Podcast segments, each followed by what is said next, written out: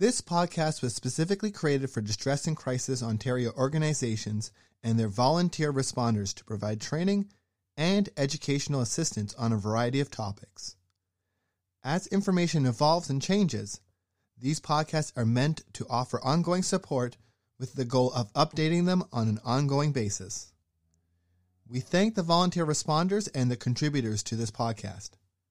Please visit our website, dcontario.org, for more information and how to access free mental health services. Thank you.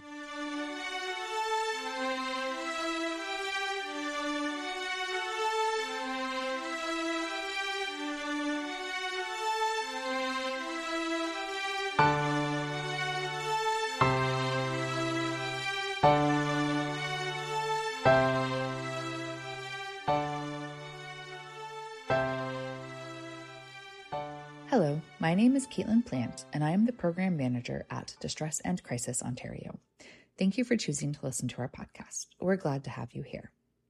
May 1st to 7th marks Children's Mental Health Week, and according to the organization Children's Mental Health Ontario, or CMHO, this week is about taking time to recognize the importance of mental health and that many children and their families are struggling. So, this week on the podcast, we'll be talking about the mental health status of children and youth in Ontario and Canada as a whole. The information in today's podcast comes from CMHO, Youth Mental Health Canada, the Canadian Mental Health Association, and an article from Psychology Today. On their webpage dedicated to Children's Mental Health Week, CMHO shares that as we come out of the pandemic, a clearer picture is emerging around its negative impact on child and youth mental health, especially for kids with serious mental health concerns. Even with the reopening post pandemic, children and youth are still experiencing increased mental health issues, and access to mental health care services can be difficult despite efforts to meet the growing demand. Youth Mental Health Canada is a community based, youth led, charitable nonprofit organization focused on youth, family, and community engagement for mental health education, support, advocacy, and change. They share the following statistics based on data from 2019 and beyond. An estimated 1.2 million children and youth in Canada are affected by mental illness, yet less than 20% will receive appropriate treatment. By age 25, approximately 20% of Canadians will have developed a mental illness.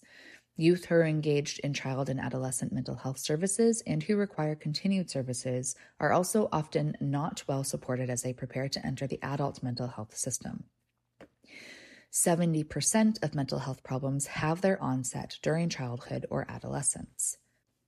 Young people aged 15 to 24 are more likely to experience mental illness and or substance use disorders than any other age group. In 2016, suicide accounted for 19% of deaths among youth aged 10 to 14, 29% among youth aged 15 to 19, and 23% among young adults aged 20 to 24. An estimated 75% of children with mental disorders do not access specialized treatment services. A growing body of international evidence demonstrates that promotion, prevention, and early intervention initiatives show positive returns on investment. Wait times for counseling and therapy can be long, especially for children and youth. In Ontario, wait times of six months to one year are common. After accidental deaths, suicide is the second leading cause of death for people aged 15 to 24. First Nations youth die by suicide about five to six times more often than non Aboriginal youth. Suicide rates for Inuit youth are among the highest in the world, at 11 times the national average. Canada's youth suicide rate is the third highest in the industrialized world. And finally, a UNICEF Canada report 14 finds that, in general, boys are more likely to die by suicide than girls, three times more likely on average. Girls, however, attempt suicide twice as often as boys, though they generally choose methods that are less lethal. For Indigenous boys, the rates are higher than the average of any wealthy country. Suicide, as discussed in this report, is defined as the suicide rate for teenagers aged 15 to 19. According to the Canadian Mental Health Association Ontario branch, approximately one in five children and youth in Ontario has a mental health challenge. So, what are some of the signs of mental illness in children and youth? Many children and youth will exhibit different moods, thoughts, and behaviors at various times that can be a part of normal childhood development. These include getting significantly lower marks in school, avoiding friends and family, having frequent outbursts of anger, changes to sleeping or eating habits, acting out or rebelling against authority, drinking a lot and or using substances such as drugs, not doing the things he or she used to enjoy, worrying constantly, experiencing frequent mood swings, not being concerned with their appearance, being obsessed with their weight, lacking energy or motivation, showing increased risk taking behaviors, and finally feeling very down. But these characteristics and behaviors may be signs of an underlying mental health concern or disorder if they are intense, persist over long periods of time, are inappropriate for the child's age, and or interfere with the child's life. Some of the most common disorders among children and youth include anxiety, attention deficit hyperactivity disorder, or ADHD, also known as attention deficit disorder, ADD, depression and other mood disorders, schizophrenia, and eating disorders. When children and youth have a physical illness or injury, parents seek professional help and get them the medical attention they need. When children and youth have symptoms of a mental illness, they need their parents to respond in the same way. Most mental health issues of adulthood have their beginnings in these early years. Remember, it's important to pay attention to early signs and symptoms and get help soon. Chances are, if you're listening to this podcast, you are an adult who is either a parent or who has children in their life in some other capacity. So, what can you do if you're worried about the mental health of a child or young person in your life? Listen to your instincts. Collect as much information as you can. If you are a parent, you are probably in the best position to know if your child's behavior requires further attention. It can be confusing to tell the difference between symptoms of mental illness and normal challenges that all kids experience from time to time. As parents or other close adults in their life, you can use observable behaviors to help decide what action you need to take by highlighting the behaviors from the list shared earlier that concern you, especially those lasting a few weeks or more. Speaking to your child regarding your main concerns, no more than three, and keep it brief.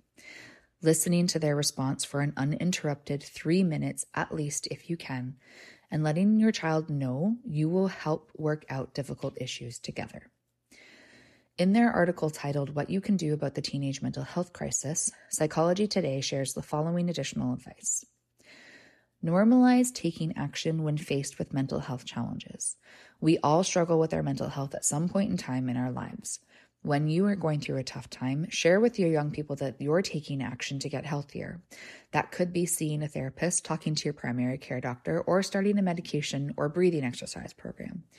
Even when you don't feel like you connect with your kids, they look up to you and they will see you taking action as a normal part of life. Make mental health check ins a regular family activity. Just like you bandage their knees when they scrape themselves, you can assist in maintaining your children's mental health. Try a routine of sharing your rose, bud, thorn at dinner once a week, where you each share a success story, rose, a potential, bud, and a challenge, thorn. This allows everyone to share examples of how they are feeling that week and for you to get some insight into their mental well being. Unplug and get outside. A change of scenery and a lack of screens can help anyone's mental health.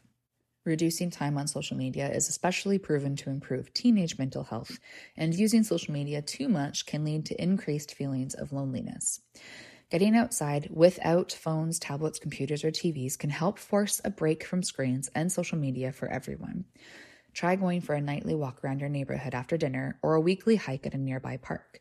Making outside screen free time a regular part of your family's routine will have a positive impact on your whole family's mental wellness. Finally, prioritize mental health in schools. Many schools are strapped for resources, but mental health needs to be a priority just as much as a school nurse helping students with physical health needs. Find out what your child's school or school district is doing to support student mental well being at school and ask questions about how they can better address this growing need. If you think your child or youth needs more help than you yourself can give, arrange to meet with a trusted and trained professional to discuss your concerns and how to access help. This can be your family physician, a therapist, or another trusted person in your life who may be able to connect you with supports. You don't have to do this alone. Help is available.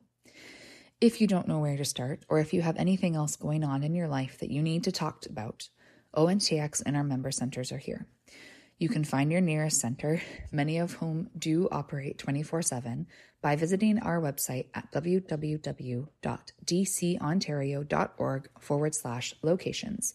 And ONTX's online chat feature can be accessed from any page of our website using the Looking for Support sidebar. ONTX is available from 2 p.m. to 2 a.m.